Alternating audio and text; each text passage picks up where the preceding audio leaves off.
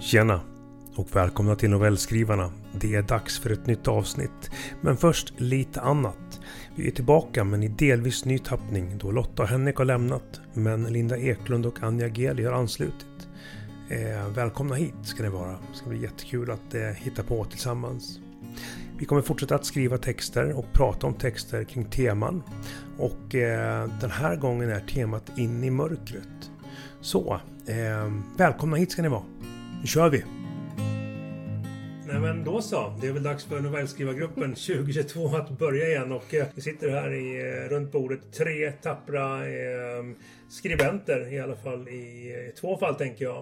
Och det är jag med Mange Edgarsson och så har vi, eh, ja vad har vi här nu då? Ja men här är ju Linda Eklund. Härligt, välkommen! Ja, en ny talang här i våran grupp där vi faktiskt har bytt ut eh, eh, medlemsgänget helt enkelt. Vi har blivit eh, av med två och ersatt dem med Linda här och Annie som tyvärr inte kan medverka idag för att ja, livet kom emellan. Men vi tänker på dig Annie och nästa gång så är du såklart med och får läsa upp din text om dagens tema. Och sen har vi såklart Jörgen också här. Välkommen Jörgen! Tack! Ja. Jag är kvar. Ja, så att, eh, vi är 50% nya och 100% taggade för att köra igång eh, årets eh, första novellskrivarpodd. Blir det då. Dagens, eller temat den här gången är In i mörkret. Och eh, det kan ju tolkas på många olika sätt. Eh, och det är väl det som har gjort, tänker jag. Det är åtminstone på två sätt idag. Ja, det ligger ju rätt bra i tiden här tycker jag. Tyvärr kanske man ska säga. Liksom, vi är ju rent bokstavligen på väg in i mörkret med, med hösten och, och snart vinter och där. Men mm. det är ju också, oavsett vad man står politiskt och sådär, så, så känns det ju som darriga och oroliga och ganska mörka tider just nu. Tror jag många känner i alla fall. Mm. Inte, bara, inte bara här utan även om man kollar globalt så känns det ju så på många sätt. Verkligen. Mm. Mm. Ja, nej, så det var på många sätt ett bra tema det att gå in i även om det kanske hade varit rent, eh, eh vad säger man, eh, trevligare att köra något, något soligt för att mota mörkret. Men eh, i det sotiga, där kan vi gotta oss. Ja, så, det kommer någon annan gång. Ja, ja vi får köra Det, något, det kommer ju en, en april och en maj. Ja, så, ja. in i ljuset. in i solen kanske. Ja, precis. Eh, ja, vi behöver inte vänta så länge på det. Det tycker jag inte. Nej. Det ska vi nog inte behöva. Eller hur. Vi får köra något, något bra tema här framöver. Eh, sak samma. Vi ska väl köra mm. och jag tänkte att den, eh, den av oss som har fått äran att inleda som första uppläsare av sin novell, det är ju Linda. Mm. Och eh, du är jättevälkommen att köra. Tusen tack. Eh, den heter då precis som temat In i mörkret. Han drog jackans luva över huvudet, satte podsen i öronen och låste upp cykeln. Strax cyklade han över den svartfuktiga asfalten över simhallens parkering mot cykelvägen, den som ledde förbi dammen och vidare hem. Oktoberluften svepte mot kinderna. Han släppte styret med båda händerna och drog upp dragkedjan mot hakan. Träningen hade varit perfekt. Den svävande känslan i vattnet fick honom alltid på bra humör. Så hade det varit ända sedan han började simskola när han var fem. Under alla år sedan dess hade det blivit mil efter mil i undervattensvärlden där allt var så mycket skönare än i den ovan vattenytan. Under vattnet var han smidig och stark med full kontroll. Ingen kunde klaga, döma, kritisera eller ignorera. Han var väl inte mobbad direkt kanske, men alltid utanför. Alltid den som var fel. Den som det fnissades åt.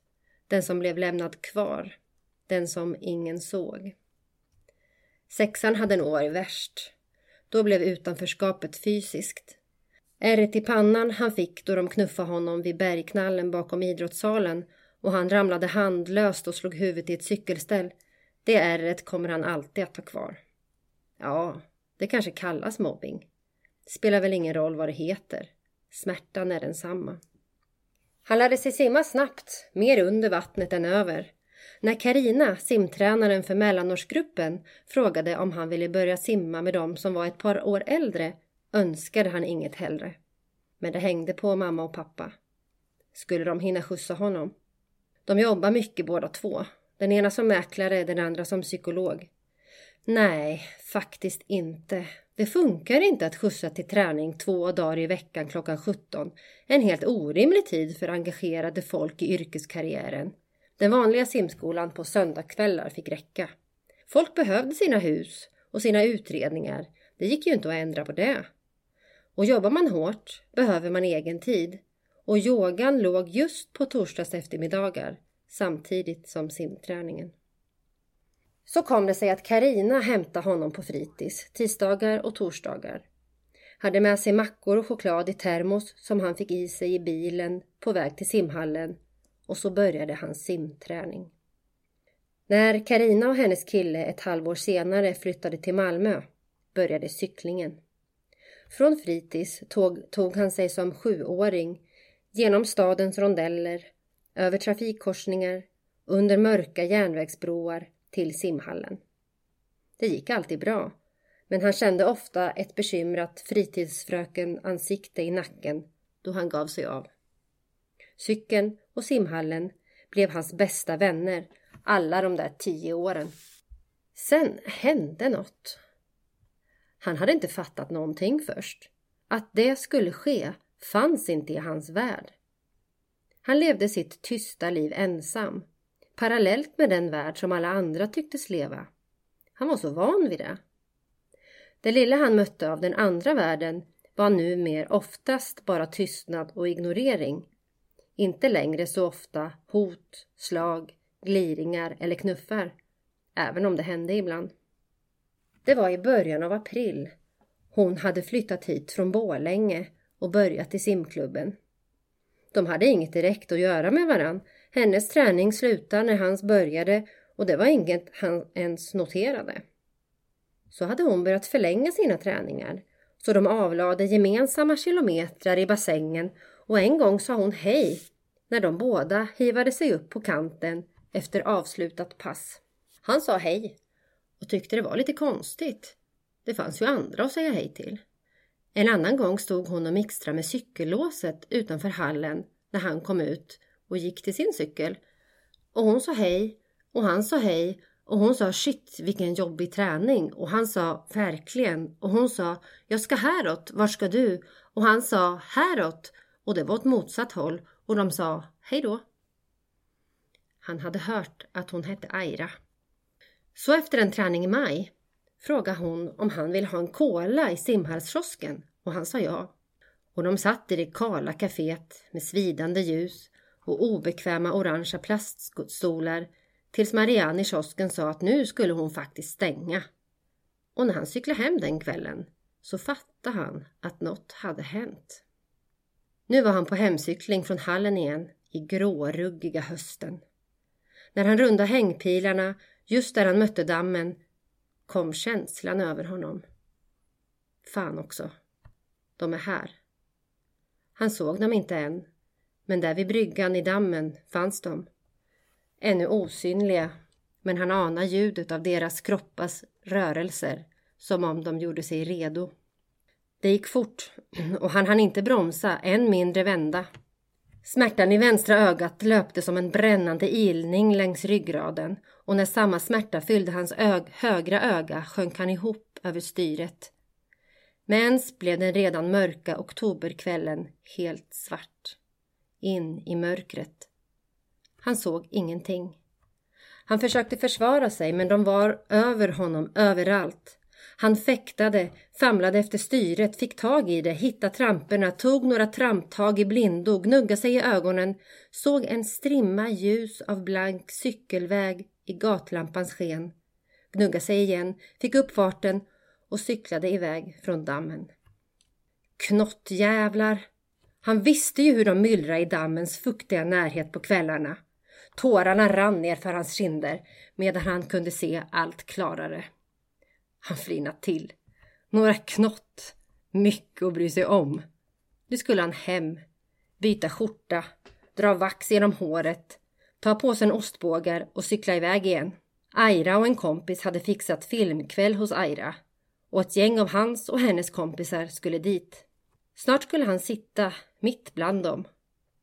Han skulle vara en bland alla andra. Mobilen blippade till. Vi väntar på dig! Och ett rött hjärta. Mm. Tack! Ja, tack själv. Mm. Bra.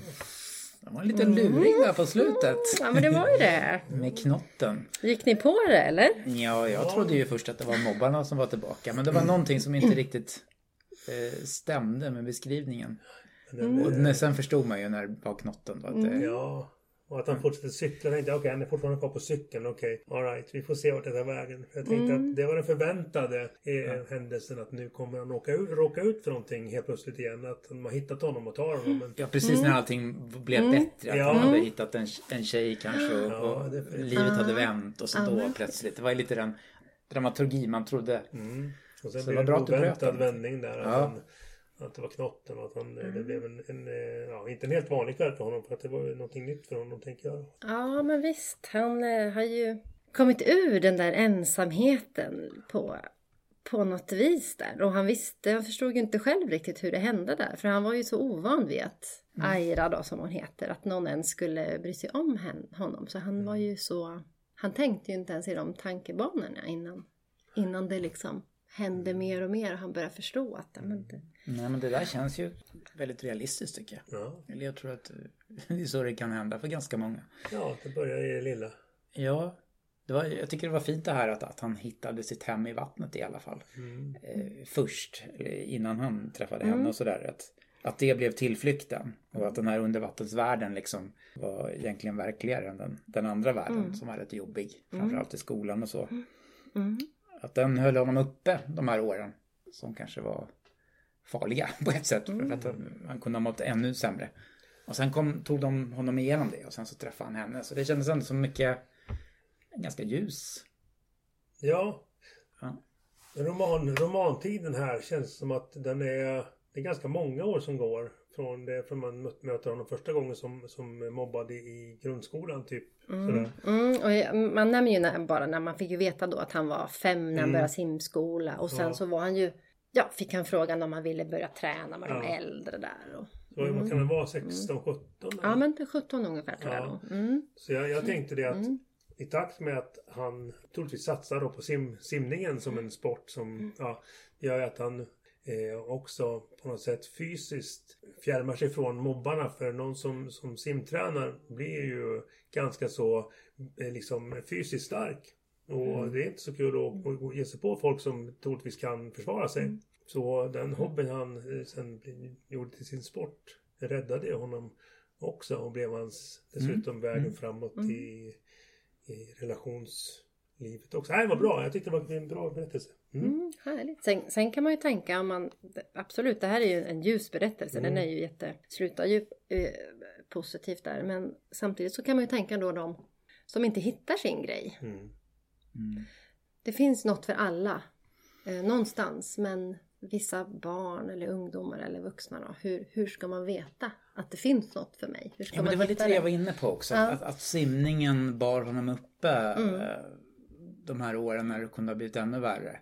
Liksom, om man mår tillräckligt dåligt eh, psykiskt eller liksom inte kan ta hand om sig riktigt. Då träffar man inte heller kanske den här kvinnan i sitt liv och, och kan ta tag i sitt liv liksom. Så det är väl verkligen en livlina det här. Och Det är nog himla viktigt om man är i hans situation där att man hittar något sånt. Mm. Ja, det var en djup, eh, djup realism i det där. Jag gillar det. Just det där sökandet i, i, i, som det verkar som att han ändå inte har gjort direkt. Utan han fann sin grej och sen höll han den eh, fram. Ja, eh, nu är det ett öppet slut han kanske gick vidare och blev eh, OS-simmare för svenska landslaget. Eh, såklart, det, det vet vi inte. Det kan vi ju tänka att han gjorde. Men just att eh, han hittade sin grej tidigt och det blev det blev aldrig något snack. Nej, häftigt. Och just den här biten med, med, med föräldrarna som också väljer bort honom. Mm.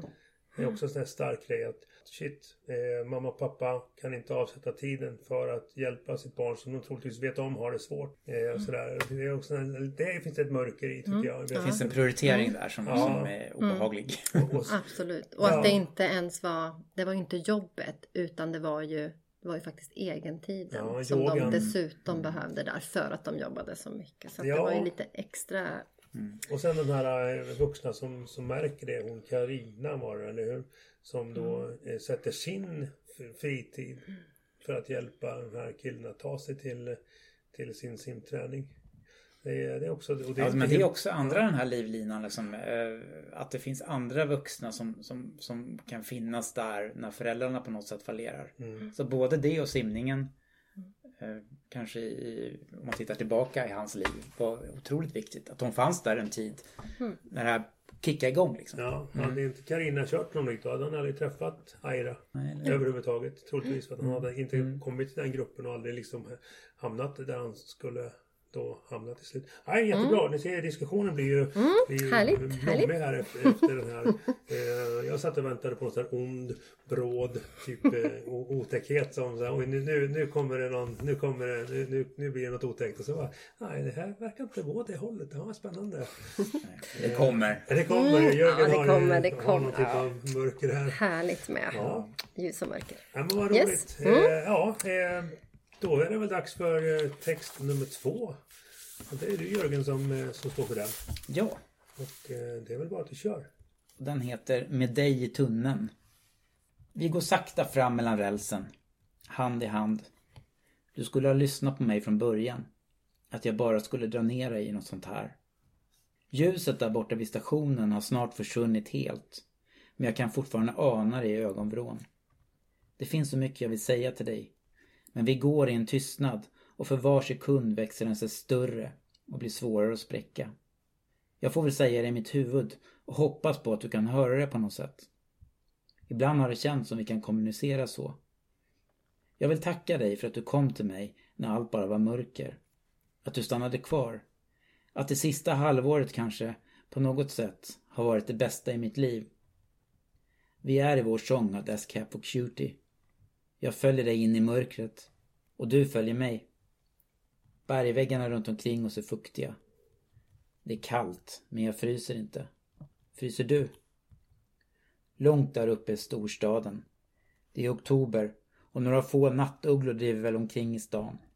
Vinddrivna, höstförvirrade. Som vi en gång. Det känns som en evighet sen. Det var vi som drev omkring och pratade oss igenom nätterna. Nu går vi längre in. I tunneln och tidlösheten och underjorden. En rörelse. Något mörkt mot det redan mörka. Är det en råtta? Jag har läst någonstans att det ska finnas många här nere. Jag snubblar till, tappar din hand och sätter handen mot något slemmigt. Som sjögräs. Jag rycker snabbt tillbaka den. Tåget går nästan dygnet runt. Men det gör ett uppehåll mellan tre och fyra. Vi hoppade ner på spåret en minut efter att vi hade sett det sista tåget försvinna i tunneln. Hoppades jag kanske in i det sista att du skulle stoppa det. Bara vända om och ta rulltrappan upp mot säkerheten. Berätta för mig just hur idiotiskt det här är. Men jag förstår nu, av din lugna andning och beslutsamma steg, att det här aldrig bara var min idé. Det skrämmer mig. Jag har anat bråddjupet i dig, men underskattat det. Har aldrig försökt nysta i det. Men du har lyssnat på mitt ältande i timmar. Skäms lite för det nu. Genom tunneln ska det vara 8 kilometer. Om vi går så här långsamt borde det inte finnas någon chans. Kanske om det är förseningar. Kanske om vi ångrar oss och springer allt vi har från ungefär nu. Men vi går hand i hand och andas i takt med berget och tunneln. Vi har inte bråttom. Det borde väl finnas någon räddningskammare eller något. Om inte annat för de som jobbar här nere. Men man ser ju för fan ingenting. Det där till höger kan vara en bergvägg eller det kan vara en ingång. Varför tänker jag ens så? Jag trodde beslutet redan var taget. Jag känner plötsligt att jag måste säga något. Annars blir jag galen. Jag måste bryta den här tystnaden. Du... Min röst låter ynklig. Som ett litet ängsligt barn. Du svarar inte. Klart du inte gör.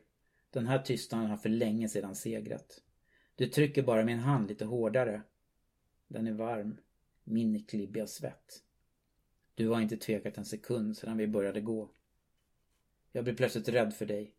Rädd för döden. Just nu är det samma sak.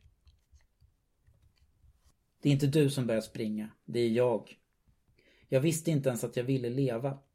Jag försöker dra med dig först, det gör jag väl. Jag släpper väl inte din hand direkt och bara rusar.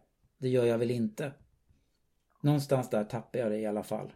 Jag rusar som besatt genom tunneln, snubblar och faller, slår pannan i rälsen.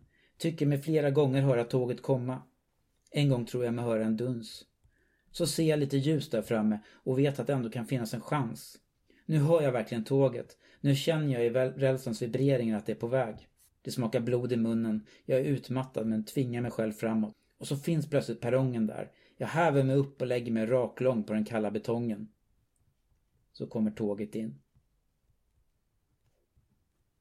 Ja, det var ett mörker. De personerna som går där, jag tänkte hoppa, hoppa lite till slutet.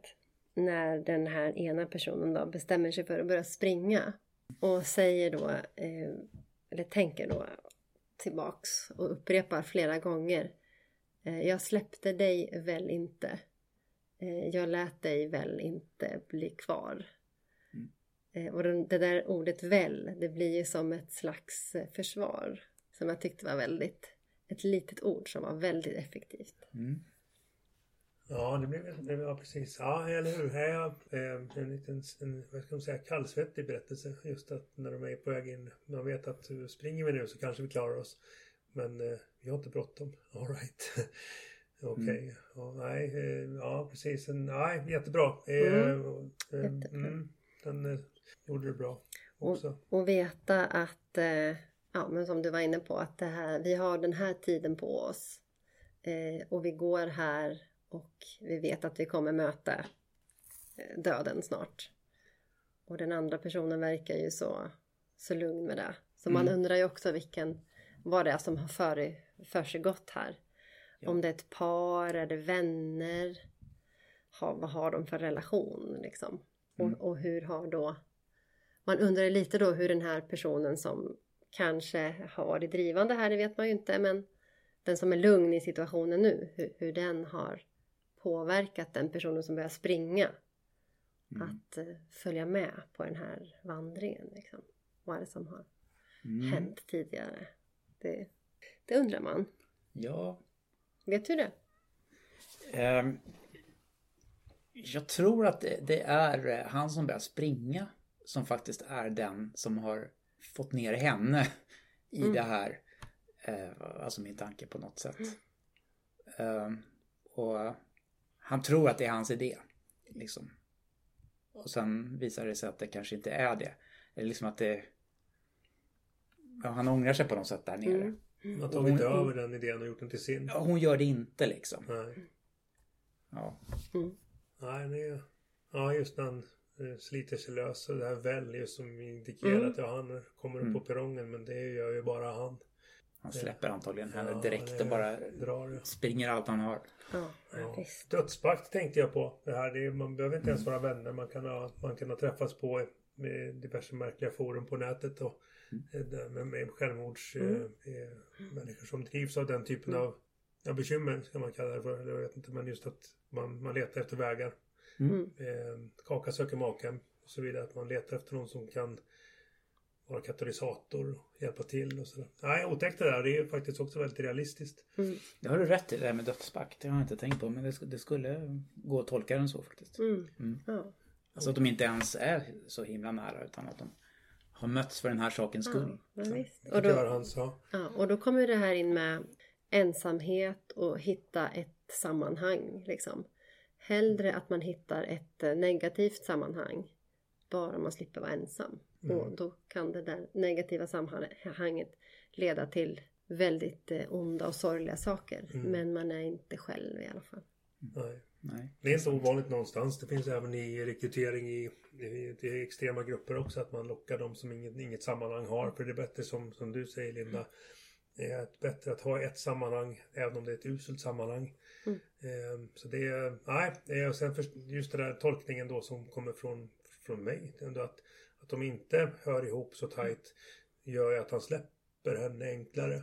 Tänker jag. Mm. Att det fanns det kanske inte så mycket mer än pakten. Vi gör mm. det tillsammans. Mm. Vi stärker mm. varandra i vår, vår, vår, ja, i det här som kommer ske. Eh, hade de varit bästa vänner eller, eller att de varit förälskade då hade det kanske tagit en annan vändning. Mm. Eh, möjligtvis. Det är, bara, det är bara så som jag kanske tolkar det då. Eller som jag tolkar det. Ja, bra. Jag tänkte ett tag, tag där du, han, han började, tyckte han såg någon råtta och kände på väggen och det var något slemmigt där. Då, då fick jag det här lite, de här, någon sån här lite skräckbilje- eh, skräckberättelse i huvudet. Mm. Att eh, oj, det kanske är någon, någon varelse där nere som... Mm. Men det var inte alls den vändningen det tog. Nej, men det där slemmiga Ja, på väggen var lite. intressant. Det gjorde jag faktiskt research på. För jag tänkte att Ah. jag måste försöka, hur, ser det ut där inne i tunnlarna egentligen? Och då var det några forskare som hade, hade gått rätt djupt in i, i tunnelbanan i Stockholm och kollat in väggarna. Och där växte något så här som precis Alger, kanske. då, eller någon Ja. typ av eh, grönt som, alger nästan kanske. ja nästan åt algerhållet. Ja. Eh, Och de hade blivit fascinerade av det där liksom och tagit kort på det och undersökt det. Så att, Att det kan leva, leva liv. Liksom, ja, det var där. det de var fascinerade Ja. av. I den Mm. här karga miljön Ja. så, så finns ändå det här. Och, Liksom. och det, då blir det ju, om man skruvar till det lite så det blir det en extra, en extra skruv till din berättelse också. Att nere i det mörka, i, i väntan på dödens tåg som ska komma så liksom lever det liv på väggarna. Så har jag inte tänkt, men det är, jag, Nej, jag säger men- att jag har tänkt så. Ja, precis. Ja. Det. Ja, då. Mycket, mycket Ja. genomtänkt. Eller hur? Ja. Ja, men jättebra. Mm. Eh, Två bra eh, inslag i temat In i mörkret. Eh, som sagt två stycken eh, olika eh, slut. Det ena är ett, ett, ett öppet ljust slut. Det andra är ett eh, ganska så mörkt slut på många sätt. Eh, Hur lever han vidare sen med, med det han har gjort? Eh, och så där. För det kommer ju ett sen eh, i ett sånt öppet slut. Eh, går han till polisen och talar om hur han varit och sådär. Kommer han, den här killen då fram till den här eh, hemmafesten, filmkvällen. Blir det som han har tänkt sig eller hamnar han i någon typ av, ja vad händer sen? Det är ju Mm. det är väl kännetecknet tänker jag för en bra novell. Att den väcker den typen av frågor. Vad händer sen? Ja, det gjorde ni bra. Men nu blir det något helt annat, Mm. tror jag. Ja, Nu blir det något annat. Eh, och eh, man brukar säga eller, eh, att livet kommer emellan. Och det gör det. Speciellt om man har mycket på gång. Så att jag har inte skrivit eh, på temat. Utan jag har sökt efter några andra som har gjort det. Och hittade eh, då en, eh, en gammal bekant. En svensk eh, tungviktare inom mörkpoesi kan man väl säga. Och det är eh, Karin Boye. Och, eh, Just för att knyta an till Jörgens berättelse så, så avslutade ju hon själv sitt, sitt liv tidigt. Mm. Mm. Bara som 41-åring 1941. Så att eh, mörkret finns och jag har valt ut dikten som hon har skrivit som heter I mörkret. Och jag ska göra ett försök att läsa denna eh, korta dikt. I mörkret. I mörkret ligger jag och hör hur klockor dånar utanför med långa, tunga, jämna slag som mörkrets djupa andetag. De dövar allt och söver allt och löser tingens dimgestalt i långa, tunga, jämna dån som tanken aldrig lossnar från. Jag är bland dem som knappast finns och bara vet och bara minns det gamla mörkrets hjärteslag som väntar ingen morgondag, som fruktar ingen morgondag. Så kort är denna dikt. Den var klar där alltså? Ja. Oj. mm. Eh, var, ja. eh, var det hela dikten eller var det ett, ett, en, strof? Eh, Den kommer ur diktsamlingen Härdarna och det här är allt Mm, som ja. dikten eh, ger. Ah, Ja, ja, men den ger ganska mycket på, Ja. det, på det utrymmet. Eh, Jag fastnade för den på en gång och tänkte när när jag började tänka i, i, i, kring mörker själv för att skriva min egen text och körde fast så, så började jag söka samtidigt på andra, andra människor som har skrivit om mörker. Och då Mm. dök den här upp och då, då blev det ju det här eh, den här känslan som hon får in på de här tre eh, stroferna och den sista raden. Den här i mörkret ligger jag och hör hur klockor dånar utanför. Eh, Det, det, det, det, det, det är så ödesmättat. Det är så, Mm. det här är en, en, en, ett mörkt sinne. ja, har du lust att läsa den en gång till? I och med att den är så pass Ja, kort. jag det är jättebra. Ja. Jag tänkte säga samma Mm. Ja, Mm. jag kör den igen. Mm. I mörkret. I mörkret ligger jag och hör hur klockor dånar utanför med långa, tunga, jämna slag som mörkrets djupa andetag. Det dövar allt och söver allt och löser tingens dimgestalt i långa, tunga, jämna dån som tanken aldrig lossnar från. Jag är bland dem som knappast finns och bara vet och bara minns det gamla mörkrets hjärteslag som väntar ingen morgondag. Som fruktar ingen morgondag. Det känns, känns som, som situ eh, den situation jag ser framför mig att, att dikten föds ur är liksom sömnlöshet och ligga vida sig liksom i natten och inte kunna sova. Eh, och, och kanske det också känns som det är en hel del ångest här. Alltså klockornas dån. Mm. Alltså det, det, det, känns som det är lika mycket ett inre dån. Mm. Och det här gamla mörkret som hon pratar om som på något sätt samarbetar med, med den här nattens mörker för att liksom lyfta fram mm fram demonerna på något sätt. Och att, och att vara bland dem som knappast finns. Åh. Mm. Så eländig känsla. Existentiellt också. ja, en existentiell ja. existentiellt tvivel på något sätt. Ja. Ett utanförskap eh, ja. där man inte ser en väg ut. Det gamla mörkrets hjärteslag som väntar ingen morgondag. Nej, jag, jag fick känslan av att det här, det här var ett, en, en, en kort dikt som, som var väldigt mörk. Eh, det här med eh, långa, tunga, jämna dån. Den här, jag fick ju i huvudet när man, när man slår på en jättestor eh, klocka. Den där mm. tunga begravningsklockan. Mm. Som slår, som nästan mäter ut tiden för någon som inte tycker att framtiden är något att ha. Liksom. Nej. Men ja, det var ödesmättat och, mm. och kort. Jag, jag, jag, gillar den för det. Den, den tar mm. inte mer tid i anspråk än den säger så här kan det vara. Men det är mm. också det här, det, det är jätteläskigt. Det, det här liksom tålamodet och de här eh, långsamma slagen liksom som mm. vi har alltid i världen men mm. Jag kan inte överleva den här ångesten liksom så många minuter till liksom. Men, nej, vi fortsätter. Bonk. Mm. Känslan får jag. Obenhörligt eh, ja. slaget mm. fortsätter. Både, både utifrån med, med klockornas slag och inifrån. Mm. Man kan tänka att eh, hjärtat som bultar och blodet som rusar i kroppen. Liksom. Så det är tryck från alla håll. Du skulle ja, ge diagnosen depression på den här dikten. Ja, den var mörk. ja. Eh, och jag, jag slutade leta när, när, när jag fast när ögonen eh, landade på den. Just det där med att eh, Just det som Linda tog upp här med jag är bland dem som knappast finns och bara vet och bara minns. Mm. Det är som att det är en uppgivenhet som, är, som, som ligger som en, en, en eh, ja, som ett mörker i den här. Det finns, tiden går men det är inte viktigt för att jag är, är inte brydd över den. den kommer att, mm. Jag kommer att passera med tiden och det är ingen som kommer märka det. Jag, det är knappt att jag finns. Jag fick upp i huvudet Vem ska trösta knyttet helt plötsligt. Ja. Så början på den är väldigt, eh, väldigt ångestfylld. Har ni läst den? Ja, många gånger men inte... Ja, hur börjar den? Nej, men, att han går från sitt, sitt hus här. Mm. Varför lät jag mörker flytta in i mina ja, hus? Och så går det i mulorna med långa ja. tunga steg. Undrar när den kom. Den, den kanske snarare är inspirerad av den här dikten än tvärtom. För det kändes ju som att den här eh, Boye-dikten, den, var, den var väldigt skön att läsa. Och det är ju eh, Vem ska mm. trösta knyttet också. De är, mm. är, de är ju underbara att läsa högt. Mm. Eh, de berättelserna. Också de. för att återkomma till rytm liksom. Det är skönt med rimmet alltså. De som gör det så bra mm. liksom. Som Boye gör. Mm. mm. Ja, nej det, det var min, eh, vad ska man säga, eh, min eh, biljett utifrån ett tema som jag inte hann hantera så som jag ville. Mm, mycket bra biljett. N när kom den här, sa du det? Oj, den här är från diktsamlingen Härdarna och jag ska snabbt kolla upp här när den kan ha kommit ut. Då ska vi se, vad säger den? Den gavs ut 1927 för Oj, första gången. Så tidigt. Ja, det var tidigt. Jag tänkte om det var där runt strax innan 41 eller så. Ja, ja då hade det varit ännu ruskigare. Fast, och sen kanske inte. Ja, fast sen kom man brottades med det här så länge. Ja, liksom. ja. Det här är 14 år innan hon. Mm. Och hon är alltså då 27.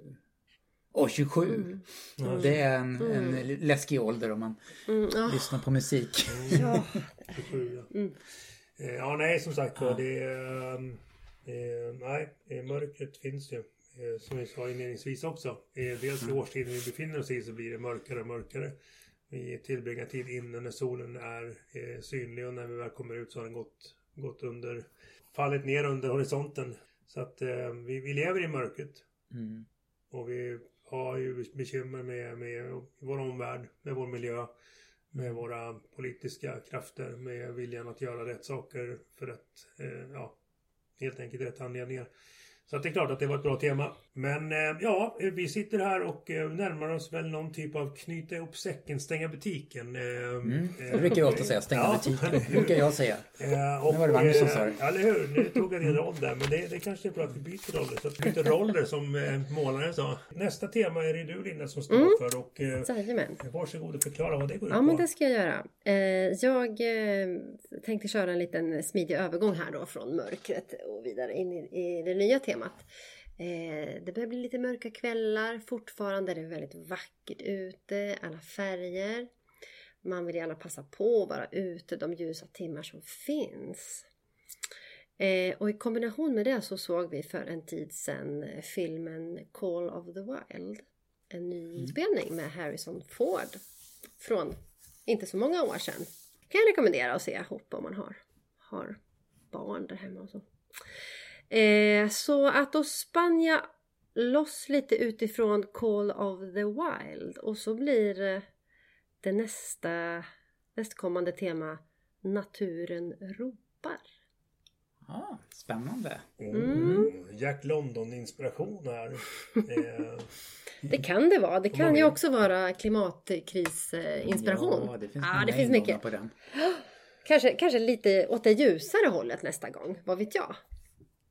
Eller beckmörkt. ja, eh, Naturen ropar. Ja, vad spännande. Naturen ropar. Det kan ju precis bli eh, både det ena och det andra. Den ropar ja. Det är inget ångestskri i alla fall. Nej, men jag tänkte Nej. inte det. Eller jag mm, ropar. Den ropar. Calling. Mm. Ja. Mm. Inte naturen vrålar utan naturen eh, ropar. Nej men mm. spännande. Mm. Jag ser fram emot att, att göra det, att ses där. Ja, när det, när det väl blir dags. Mm. Ja, eh, nej men jättebra. Eh, ja. Toppen. Bra, eh, bra snack. Eh, kul att vara igång. Ja men tack. Kul. Ja, mm. och det, eh, ja, jag ser fram emot nästa gång. Ja, absolut. Mm. Och Annie, eh, nästa gång ser vi till att vi alla fyra kan vara med för att det här är ju jätteroligt. Så vi hoppas på att kunna spika ett bra datum här framöver. Ja. Mm. Med det sagt så säger vi väl Tja, hej då! Hej då! Hej då, hej då! Då så. Då har du lyssnat på det första avsnittet av den nya versionen av novellskrivarna på temat In i mörkret. Och medverkande var Jörgen Eidebrandt, Linda Eklund och jag själv Mange Edgarsson. Nästa gång är temat Naturen ropar och det är Lindas tema. Och då hoppas jag och vi att Annie också har möjlighet att närvara. Livet kan ibland ställa till det, men vi håller tummarna så. Tack för att ni var här, tack för att ni lyssnade.